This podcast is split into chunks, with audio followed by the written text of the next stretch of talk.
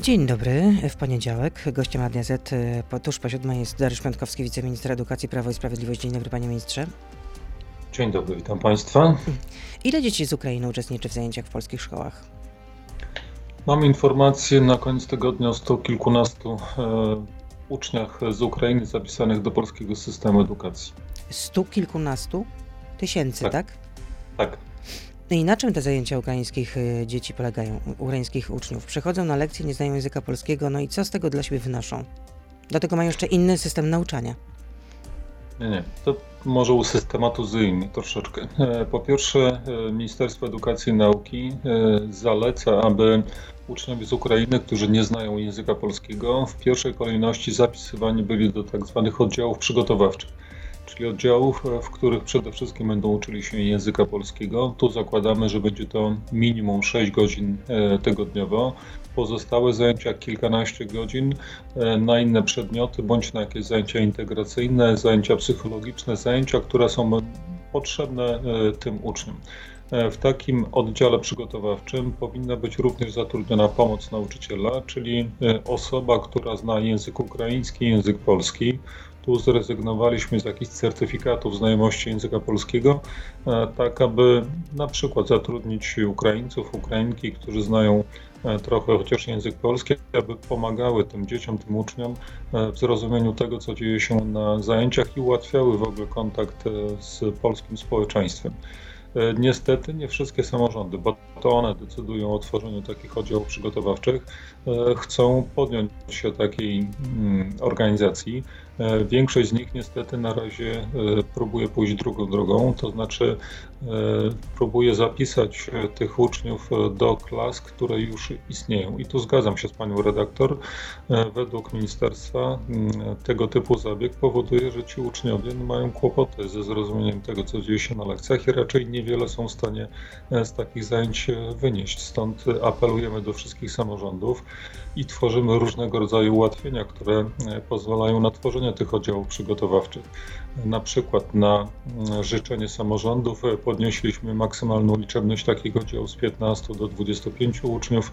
E, umożliwiamy również inne lokalizacje e, tych oddziałów. One nie muszą być nawet w budynkach szkolnych samorządy mogą wykorzystać do tego inne budynki, które nadają się do tego, aby przebywali tam ludzie, na przykład jakieś biurowce, domy kultury e, i tworzenie tych innych lokalizacji będzie przebiegało w błyskawicznym tempie. Potrzebna jest tylko decyzja samorządu.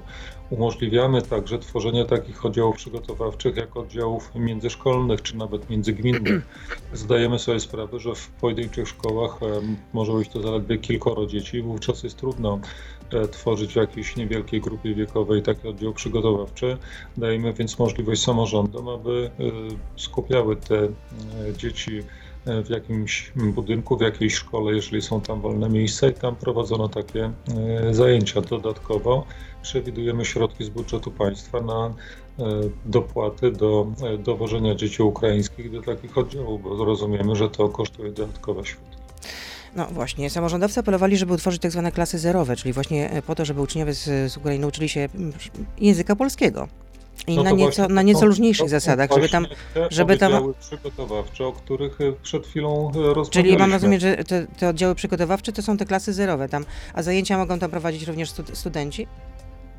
E, jako pomoc nauczyciela jak najbardziej tak. Nauczycielem w takiej klasie, tak jak w każdej innej klasie, może być każda osoba, e, której kwalifikacje uzna dyrektor i w sytuacji nadzwyczajnej uzyska jeszcze e, potwierdzenie ze strony kuratora. Jak rozumiem, jeżeli będzie tu jakaś potrzeba, by chociażby nauczycieli z Ukrainy, którzy jeszcze nie nostryfikowali dyplomów, a znają język polski, chcieliby prowadzić zajęcia, to także mogą tego typu zajęcia w takiej klasie prowadzić. Jeśli chodzi chodzi o pomoc nauczyciela, o której wspomniałem, tu w zasadzie nie ma żadnych konkretnych wymagań, poza tym, żeby komunikowała się taka osoba w języku polskim i ukraińskim.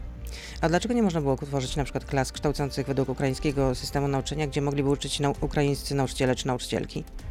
My nie mamy e, żadnego wykazu liczby nauczycieli, którzy przyjechali do Ukrainy. Nie wiemy, jeżeli oni są, a pewnie są, to nie wiemy, gdzie oni przebywają. No właśnie, gdyby był centralny rejestr, system rejestracji, to byśmy wiedzieli, e, jakie zawody reprezentują uchodźcy.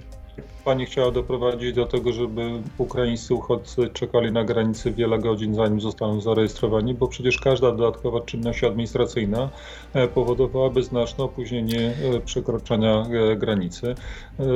Ministerstwo Spraw Wewnętrznych i Administracji uznało, że będzie lepszy ten uproszczony tryb przekraczania granicy i to ułatwia ruch na granicy.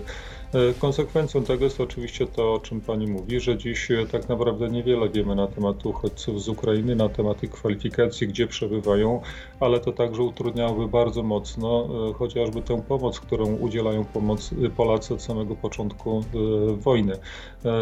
Te każde dodatkowe utrudnienia administracyjne na pewno wydłużałyby ten czas ich przyjazdu do Polski. Tak jak mówiłem, pomoc nauczyciela to to miejsce w oddziale przygotowawczym, czy inaczej oddziale zerowym, jak to pani nazwała, my używamy określenia oddział przygotowawczy, gdzie praktycznie każdy ze znajomością obu tych języków może pomóc uczniom z Ukrainy. E, jeśli chodzi o te oddziały przygotowawcze, to w, spec, w specustawie jest furtka, która pozwala na lokowanie tych oddziałów przygotowawczych czy też klas zerowych poza szkołą. No i pan minister Czarnek obiecywał, że zostaną przedstawione setki lokalizacji e, przez spółki Skarbu Państwa. No i gdzie te setki lokalizacji?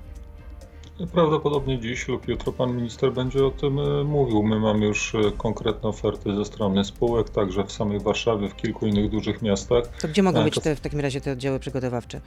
To mogą gdzie być mogą jakieś kierowce, które dzisiaj nie są używane przez spółki, czy na przykład nawet jakieś ośrodki wypoczynkowe. No ale myślę, że będą to przede wszystkim jakieś biurowce. Nie znam szczegółów, bo się akurat tym nie zajmowałem. A jak uzupełnić braki kadrowe? No bo normą staje się praca powyżej etatu na dobrą sprawę. Kryzys kadrowy w polskiej oświacie zaczął się na długo przed e, wojną w Ukrainie. No to jaki jest pomysł, żeby wypełnić te luki? E, ten kryzys kadrowy, o którym Pani wspomina, jest widoczny przede wszystkim w dwóch miejscach, to znaczy wielkie miasta, gdzie e, no tam właśnie głównie chcą być uchodźcy. Nauczycieli I wśród nauczycieli zawodu, praktycznej nauki zawodu.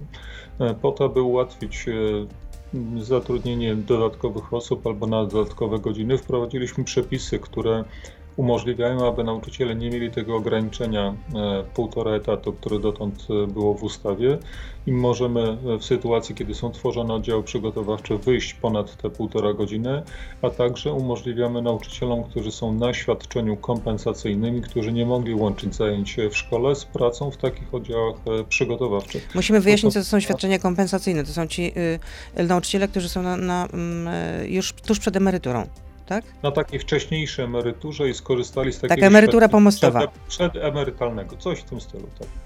No ale dlaczego ci nauczyciele mieliby wracać do pracy? No w Warszawie słychać, że nie chcą specjalnie wracać do pracy. Dlaczego mieliby do, wracać do pracy? No trzeba chyba ich przekonać w takim razie jakimiś podwyżkami. środki, które mogliby zarobić. Dotąd y, ustawa wyraźnie mówiła, że nie można łączyć zatrudnienia w szkole z pobieraniem świadczenia kompensacyjnego. Teraz ustawa umożliwia łączenie świadczenia i pracy w szkole z oddziałami ukraińskimi przygotowawczym. A będą jakieś solidne podwyżki dla nauczycieli za ich dodatkowy y, wysiłek w tych nadzwyczajnych okolicznościach? Bo na no razie to wiadomo, że płace nauczycieli wzrosną zaledwie o 4,4%, czyli tak jak w całej budżetówce.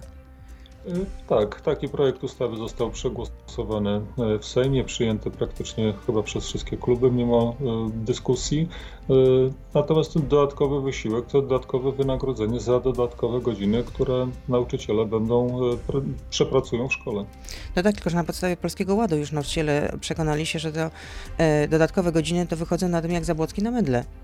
Tracą na tym. Z tego, co, z tego, co mówił pan premier Morawiecki, dokonano wyraźnej korekty e, przepisów prawa podatkowego i aby y, ułatwić korzystanie. No jeszcze nie dokonano chyba. Tak, ale dokonano korekty w tym sensie, że przygotowano e, plan zmian w prawie podatkowym, które mają e, usunąć te błędy, które się e, pojawiły. Ten projekt obniżający podatek z 17%, ten podstawowy w pierwszym roku podatkowym ma być obniżony do 12%. To jest bardzo poważna obniżka o prawie 1 trzecią. Ten projekt ma być skierowany w najbliższych dniach do konsultacji. No to, o, to o ile w takim razie wzrosną pensje nauczycielskie? Tak, ile, ile będą będą dostawać więcej na rękę nauczyciele. I od kiedy? Od maja. Od maja, od 1 maja ma nastąpić wzrost wynagrodzeń wszystkich nauczycieli o 4,4%, to jest około 200 zł na nauczyciela dyplomowanego miesięcznie. No to myśli pan, że to zachęci w takim razie nauczycieli 200 zł naprawdę, jeszcze przy tej inflacji takiej galopującej? Mm, To są możliwości budżetowe. Trzeba pamiętać, że wojna na Ukrainie e, powoduje także ogromne wydatki z budżetu państwa. Dziś jesteśmy w zupełnie innej sytuacji niż jeszcze kilka tygodni temu. E, przypomnę, że Ministerstwo Edukacji i Nauki przedstawiało e, plan podwyżek nauczycieli sięgający 30 czy nawet 30 kilku procent w połączeniu ze zmianą pragmatyki zawodowej. Nie było zgody na to mm, strony społecznej, stąd odstąpiliśmy od tych planów i dziś przy takich możliwościach budżetowych, przy obecnej sytuacji politycznej i gospodarczej udało się zapewnić nauczycielom taki poziom podwyżek jak całej budżetówce. Ale dla, ale dla żołnierzy jest. No i o tym porozmawiamy już w części internetowej. No, ale chyba pani wie, że dzisiaj sytuacja jest wojenna i sytuacja nadzwyczajna. No to też są pytania od słuchaczy, więc proszę zostać z nami. Jesteśmy na Facebooku, na Radio ZPL, na YouTube, więc y, Dariusz Piątkowski, wiceminister jest z nami, Beata Lubecka, zapraszam. No właśnie, jest pytanie od słuchacza. Dlaczego żołnierze dostaną prawie 700 zł podwyżki z wyrównaniem od stycznia, a nauczyciele dopiero od maja, jak pan powiedział, no to będzie 180 zł na rękę? Proszę pamiętać, że sytuacja jest nadzwyczajna. Ja no ale w oświacie też jest sytuacja nadzwyczajna. No tak czy nie? No jest nadzwyczajna. Ale to wszędzie jest nadzwyczajne i wszyscy by chcieli dostać kilkaset albo tysiąc złotych, albo dwa tysiące podwyżki. Sprawa jest oczywista. Jeszcze raz powtórzę. Ministerstwo Edukacji i Nauki proponowało rozwiązania, w których mówiliśmy tak, też pan o mówił, też pan mówił, no ale... 30 kilka procent. Skoro strona społeczna na to się nie zdecydowała, a nie ma zgody politycznej dziś na to, aby były bardzo duże podwyżki bez jednoczesnych zmian w pragmatyce zawodowej nauczycieli.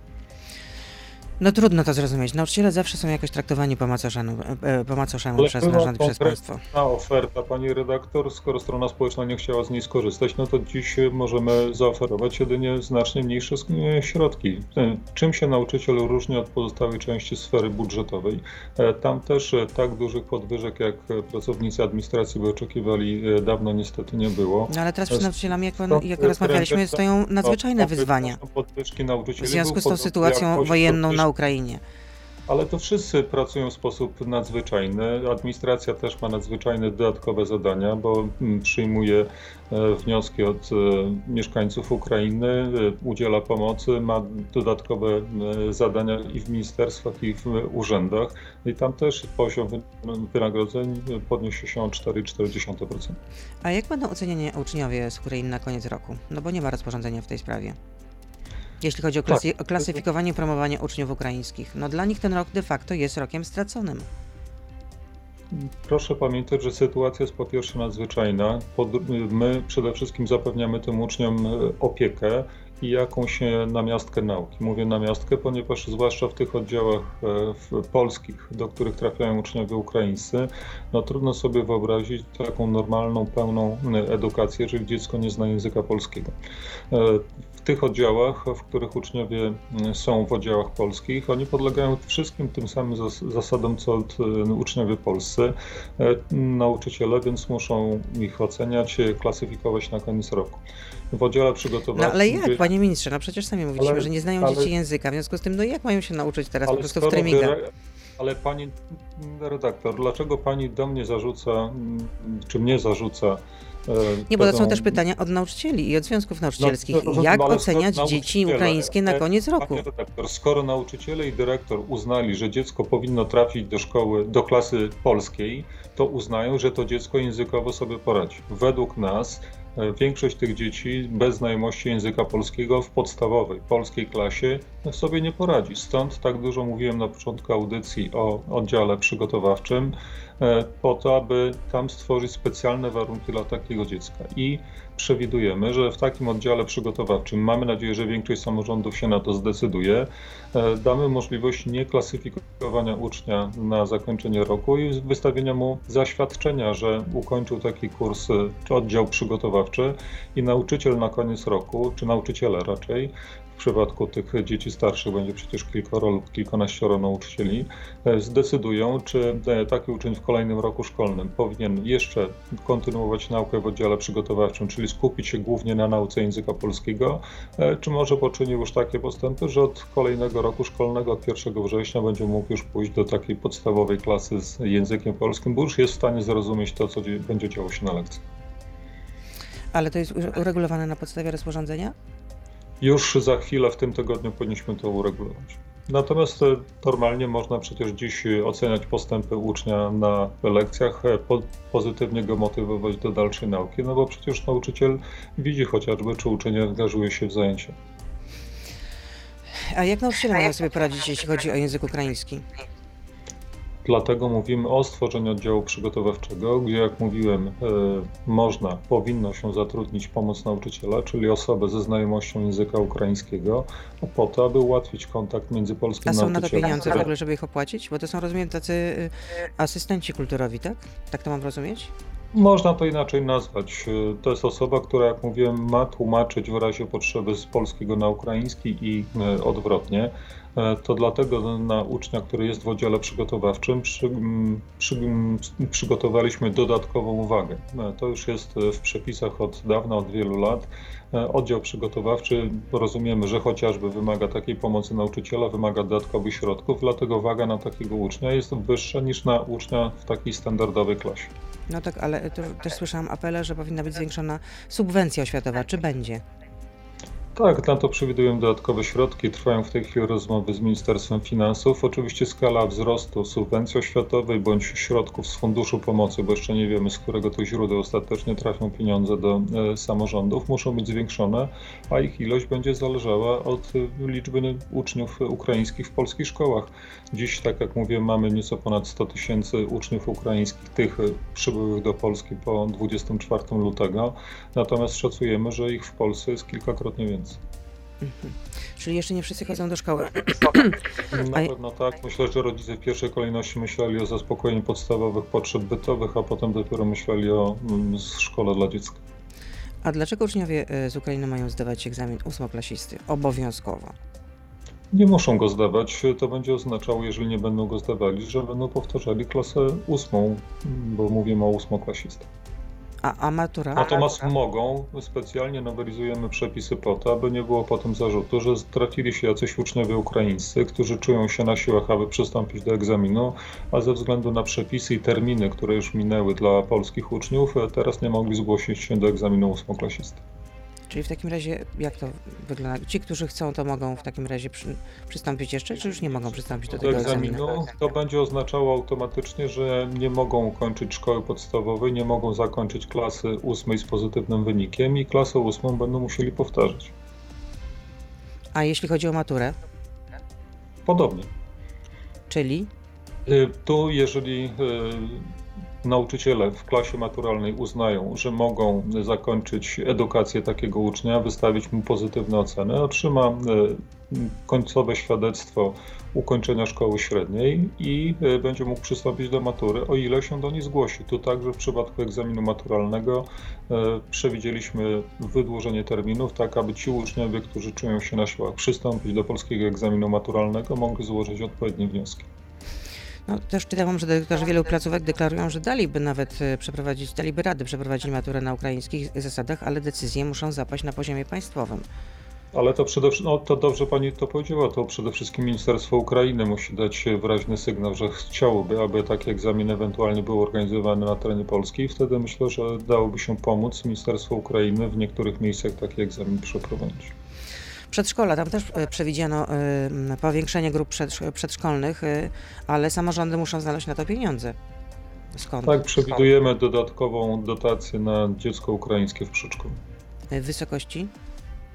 Prawdopodobnie będzie to około 5 tysięcy złotych. W tej chwili trwają konsultacje z Ministerstwem Finansów, potem będą także rozmowy z samorządami. Ta kwota jest podobna do dotacji, jaką otrzymuje dziecko sześcioletnie w tak zwanym. Będzie tak 5 tysięcy na jedno dziecko, tak? Tak, no, tak, tak, tak. To jeszcze zapytam o Lex Czarnek. Dlaczego powraca jako projekt e, poselski? Na po co? Skoro zawetował tam pan prezydent, e, e, prezydent Duda, były też liczne protesty, no i po co powracać do tego samego? Ta ustawa zawierała bardzo dużo pozytywnych rozwiązań. E, trzeba Zwłaszcza, że, nie może, że rodzice nie będą mieli w ogóle wpływu na to, jakie organizacje mogą to e, właśnie pan się urzędować.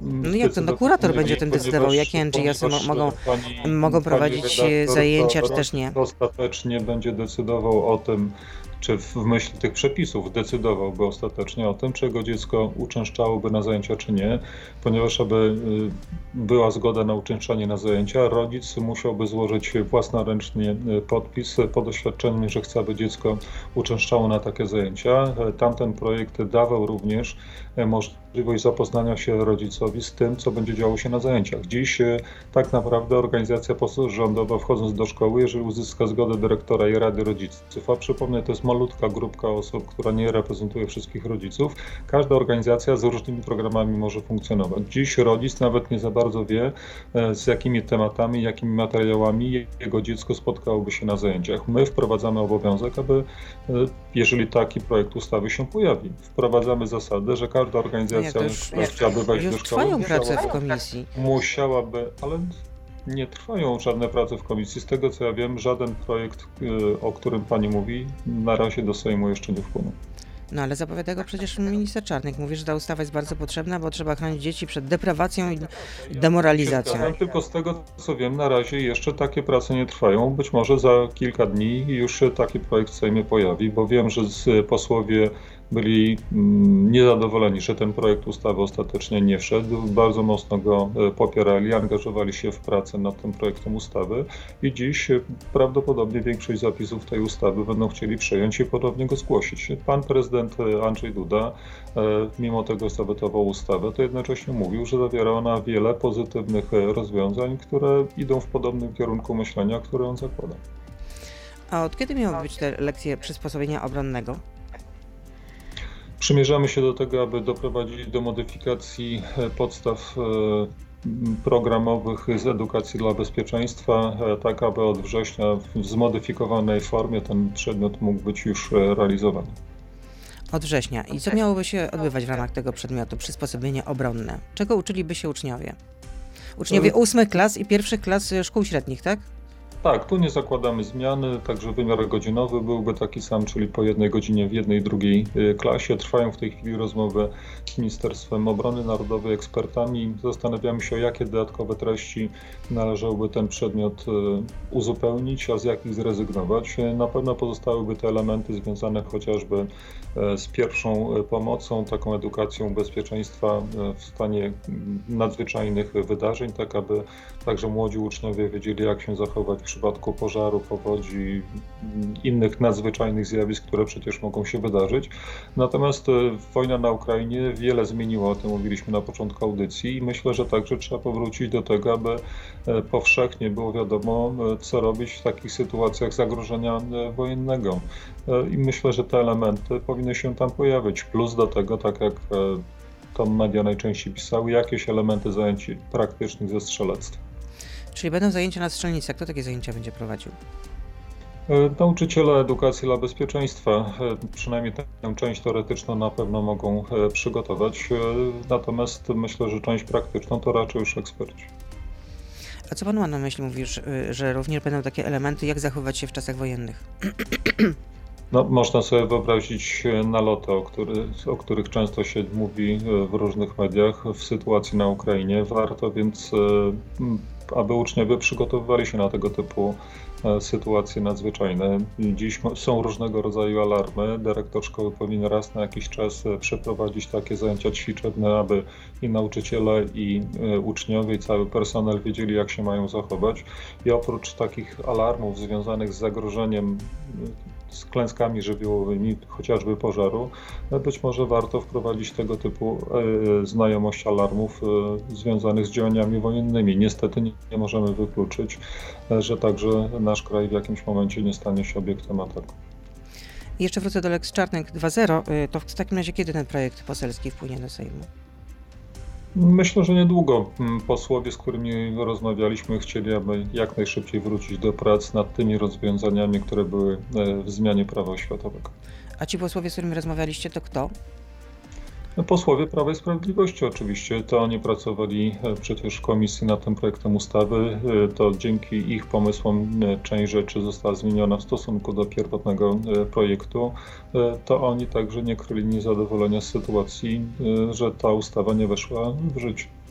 No ale y, nie obawiacie się, nie obawia się pan, że znowu zostanie ten projekt y, zawetowany przez prezydenta? Prezydent powiedział jasno, że no, ten projekt bardzo dzielił y, obywateli, a teraz w tych czasach, w tych trudnych czasach, w związku z tym, co dzieje się z naszą wschodnią granicą, potrzebna jest jednak no, więcej zgody, a nie tego typu projektów, które wprowadzają takie zamieszanie. No ale jak rozumiałem, pan projekt, y, pan prezydent miał nadzieję, że y, podsyłając ten projekt ustawy, nie podpisując go, doprowadzi do jakby większego zjednoczenia wszystkich sił politycznych y, działających w Polsce. Niestety tak się nie stało. Myślę, że więc tutaj nadzieję pana prezydenta na to, że nie podpisując tego jednego projektu ustawy, nagle doprowadzi do cudownego zlikwidowania podziałów na polskiej scenie politycznej, nie ziściły się. Ale też chodziło o protesty obywatelskie. Nie chodziło tylko o to, że części, znaczy, części opozycji to się nie podoba, czy opozycji to się nie podoba. Po prostu no, protestowali przecież uczniowie, protestowali nauczyciele. To, to, moim zdaniem protestowały przede wszystkim te organizacje, które dotąd swobodnie, bez żadnej kontroli praktycznie wchodziły do e, szkół. One nie wiem dlaczego, ale nie chcą e, chociażby pokazać tego, co będzie działo się na zajęciach przez nich organizowanych. Z punktu widzenia rodziców, bezpieczeństwa dzieci jest to zdecydowanie lepsza sytuacja. Ona na początku rzeczywiście będzie wymagała nieco większego wysiłku ze strony organizacji pozarządowych, bo trzeba przedstawić z pewnym wyprzedzeniem e, plan e, działania, materiały dydaktyczne, ale chyba z punktu widzenia rodzica i ucznia, także i według Pani, nie jest nic złego w tym, żeby było wcześniej wiadomo, czego będą dotyczyły takie zajęcia. Tylko ja cały czas nie rozumiem, gdzie tam mm, się dopatrzyliście deprawacji i demoralizacji. No. Mieliśmy sygnały ze strony części organizacji, które w niektórych dużych miastach widziały organizacje, które wchodziły pod pięknymi hasłami do szkół, a potem zupełnie innego rodzaju zajęcia No tak, słyszeliśmy ile to skarg było, potem się okazało, że tych skarg było zaledwie sześć. Tak, już słyszeliśmy takie, takie yy, nie, argumenty. Skarg, ale uważam, że dzieci e, w pewnych zajęciach nie powinny uczestniczyć, zwłaszcza jeżeli rodzice nie wiedzą, na jakiego typu zajęcia dzieci mają uczestniczyć. To jest pełna jasność. Rodzic wie, jakie są zajęcia, wie, że jest opinia kuratora pozytywna, bo są to zajęcia odpowiednie do wieku dziecka, do jego możliwości psychofizycznych i wtedy rodzic podejmuje decyzję, czy chce, aby jego dziecko uczestniczyło w zajęciach, czy nie. Czy jest coś w tym złego? Ja wręcz przeciwnie uważam, że to jest bardzo dobre rozwiązanie dla rodziców, daje mu dużo więcej informacji i warto, aby ono weszło w życie. To w jakich zajęciach nie powinny uczestniczyć dzieci? To już rodzic będzie decydował, bo to on ostatecznie swoim podpisem... No ale pan ma chyba jakieś zdanie na ten temat. Pozwoli na to, aby jego dziecko uczestniczyło, czy nie. Uważam, że na przykład dziecko w żadnych, e, zwłaszcza małe dziecko, e, w zajęciach, w których próbuje mm, rozbudzać się w nim e, jakieś chęci działań seksualnych nie powinno uczestniczyć, a niektóre organizacje próbowały tego typu zajęcia wprowadzać, nawet dla dzieci tych najmłodszych. Dziękuję za rozmowę. Dariusz Pionkowski, wiceminister edukacji i Prawo i Sprawiedliwość był z nami. Dobrego dnia życzę. Dziękuję bardzo. To był gość Radia Z. Słuchaj codziennie w Radio Z i na player radioz.pl.